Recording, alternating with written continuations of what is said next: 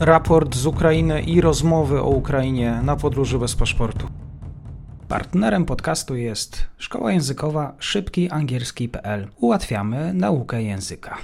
Dzień dobry wszystkim słuchaczom. Mamy 2 maja, 68 dzień rosyjskiej inwazji na Ukrainę. Na początek mała praca domowa. Zachęcam tradycyjnie do polubienia strony na Facebooku InfoWarfare.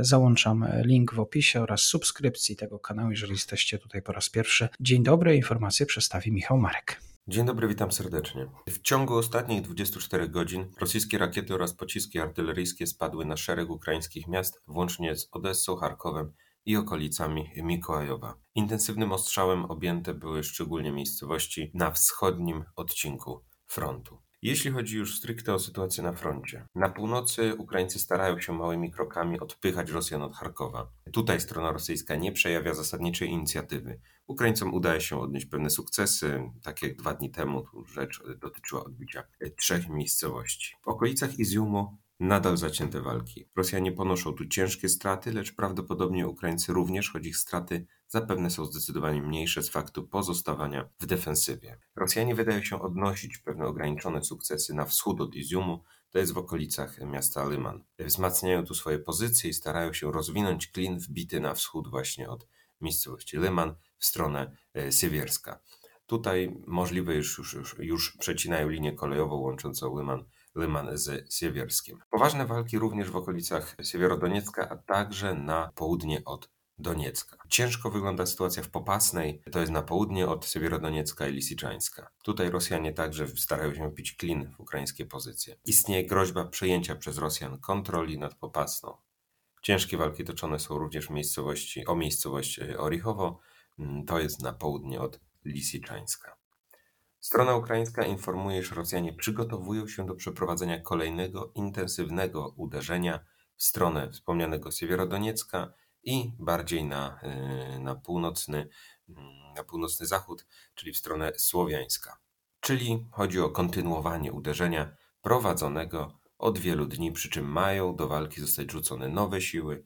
Mowa jest m.in. o użyciu jednostek, które przybyły spod Mariupola. W oblężonej części Mariupola udało się natomiast przeprowadzić ewakuację ludności cywilnej znajdującej się na terenie zakładu Azowstal. Udało się tego dokonać poprzez zaangażowanie Czerwonego Krzyża i ONZ. Rzecz dotyczyć ma około 100 cywili. Ukraińscy żołnierze, którzy pozostają na, na terenie zakładu Azowstal, nadal utrzymują swoje pozycje. Zakład, chociaż praktycznie został zrujnowany, nadal znajduje się pod kontrolą sił zbrojnych Ukrainy.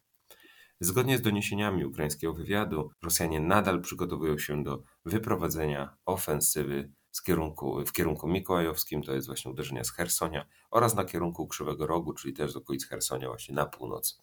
Na dany moment nie doszło jednak do przeprowadzenia działań, które odmieniłyby sytuację na tym odcinku frontu. Z wartych odnotowania wiadomości wczoraj doszło do kolejnych wybuchów w Rosji, e, tym razem w obwodzie białgorodzkim e, doszło do pożaru składu amunicji. Oficjalnie Rosjanie twierdzą, iż doszło do incydentu czy też wypadku.